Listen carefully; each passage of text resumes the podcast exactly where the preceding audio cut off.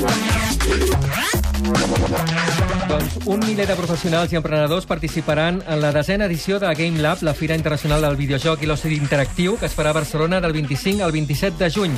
Al Generació Digital en fem el seguiment i aquesta setmana passada vam anar a la roda de premsa de presentació de la desena edició. Es tracta d'un dels esdeveniments més importants del sector a nivell mundial. El Game Lab té com a principal objectiu impulsar les iniciatives empresarials catalanes o espanyoles cap al mercat exterior i serveix a les empreses internacionals per captar talents locals. Així ens ho explica el seu director, Iván Fernández Lobo. Presencia de empresas internacionales, de grandes estudios internacionales que vienen a reclutar a España. Yo creo que la, la imagen de, eh, de España y sobre todo de Barcelona ha mejorado mucho, sobre todo en Europa, y entonces las empresas tienen la sensación de que en Barcelona hay una gran base de talento y obviamente vienen a intentar captar algo de ese talento para sus, para sus empresas. També l'Ivan va comentar el moment de Barcelona dins de la indústria del videojoc, que sí, que deia que, que, doncs, que anava molt bé, com escoltàvem aquest darrer tall, però eh, també portava, porta cosas negativas. Ya hacía años que se hacían encuestas en el sector de, de cuál era el sitio ideal donde querían los trabajadores de la industria del videojuego vivir y, y trabajar, y ya salía Barcelona en, en- en la primera posición. ¿no? Es un sitio donde la creatividad se da por defecto, donde hay una buena base de talento, donde hay empresas, donde hay unas buenas conexiones internacionales, una buena calidad de vida y por lo tanto para este tipo de negocio es ideal. ¿no? Puntos eh, débiles, pues bueno, que, de repente tanta, tanta atracción por, por la chica guapa, ¿no? Eh, pues hace que, la cantidad de, pretendientes que tiene superen a veces la, la- la capacidad que tiene la, propia ciudad de, de- dar ese talento, ¿no? O sea, decir, hay veces que, que cuesta a lo mejor encontrar talento ya por, por la saturación de empresas y eh, tenemos que intentar traer algún talento de fuera ya también, ¿no? A la presentació de Game Lab d'aquesta setmana hi havia la Generalitat, estava l'Ajuntament de Barcelona, la Societat de la, de, de la Informació i Telecomunicacions i també de Madrid, el Ministeri de Cultura i el d'Indústria. En aquest sentit, vam parlar amb César Miralles, que és director general de Redes, que col·labora fortament amb el Game Lab. GameLab colabora con nosotros en la definición de FICOT y por tanto lo hemos identificado como uno de los eventos donde el Ministerio de Industria tiene que estar presente, tiene que apoyar eh, y es un evento que para nosotros nos sirve para recoger ideas de cara al gran evento de los contenidos digitales de diciembre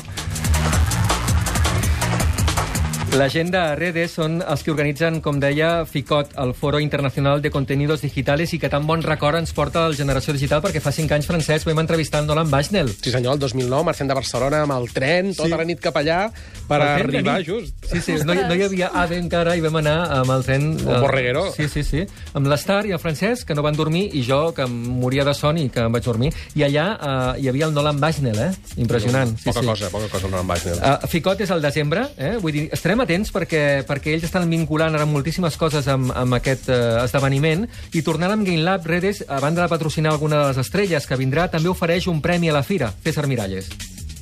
Eh, y en este caso va dirigido a, a Social Point, que es una empresa ubicada en, en eh, Cataluña que tiene un bueno que tiene un éxito increíble, ¿no? Un, eh, creo recordar más de, de 30 millones de usuarios mensuales eh, con una serie de juegos muy conocidos y que son el ejemplo de lo que de lo que estamos hablando, es decir, de gente con talento española que, que tiene ya producto internacional y que hay que poner en valor. Y hay que ponerlos en la, en la tarima, que la gente los conozca y que los jóvenes vean un reflejo hacia el cual mirar eh, y seguir el camino y que los inversores también, porque los proyectos necesitan financiación eh, y es un sector que, que es muy rentable ¿no? y que queremos que sea conocido por parte de los, de la, de los inversores. ¿no? El César Miralles eh, era el que va dir, eh, que, que ho he comentat al principi del programa, que eh, la indústria estava fa 10 anys mirant massa el totxo i no tant eh, a una indústria com la del videojoc, que només havia de créixer, i que és ara, quan hi són, que és una mica tard, però que a mi em fa una mica de ràbia, eh? però bé, ara hi són.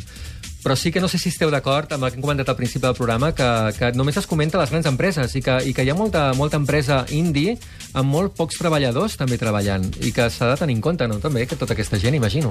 Sí, el consol és que amb el totxo també passava, no? Sí. Les grans constructores eren les que sortien als Sí. diaris i els petits tallers no. Diguéssim que... Bueno, en tot cas, és, és bona la tendència, el que passa que mai...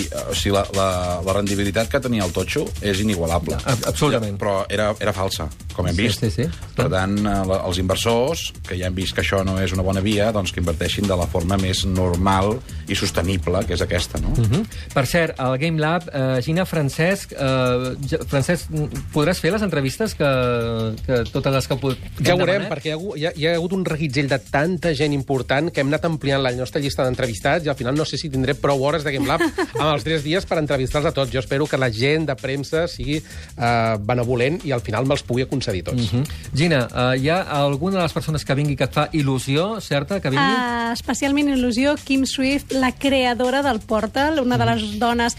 A veure, eh, també ve la Jade Raymond, que és la productora de Microsoft de jocs tipus Assassin's Creed i tal. Ubisoft, Ubisoft. Ai, això, Ubisoft. Uh, que em tinc al cap avui, de primavera.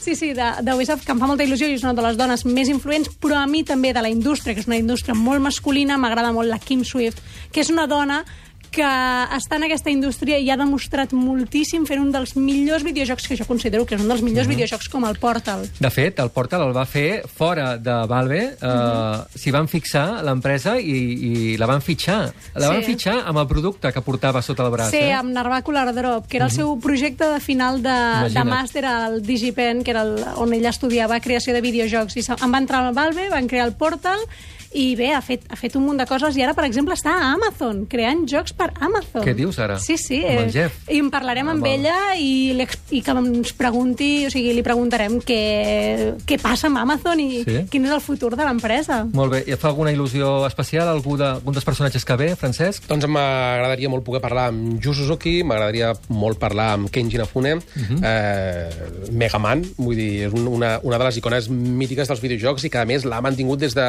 des del primer parlanès fins, fins actualment que segueixen sortint. És una de les franquícies, una de les IPs, una cosa que dona molt importància a tota la gent que parla, el valor de la IP, de la, Què propietat, de la IP? la propietat intel·lectual, poder explorar una franquícia. Hi ha la persona que pensa que lo important és fer IPs molt sòlides, de les que es puguin derivar molts productes. Hi ha altres persones que també es comencen a cansar una mica de, de l'accés de- d'explotar de, la mateixa IP una i altra vegada. Aquestes això- segones, terceres, quartes parts. i que això eh? moltes vegades doncs, rebunda amb poca creativitat, uh -huh. però sí que és veritat que hi ha alguns noms que són uh, totalment reconeixibles al llarg de la història dels videojocs. És un Mario, és un Sonic, és un Mega Man. Vull dir, són gairebé eterns. Uh -huh. Perdoneu, i Tim Schafer també ve, I tant, eh? sí, és que oh.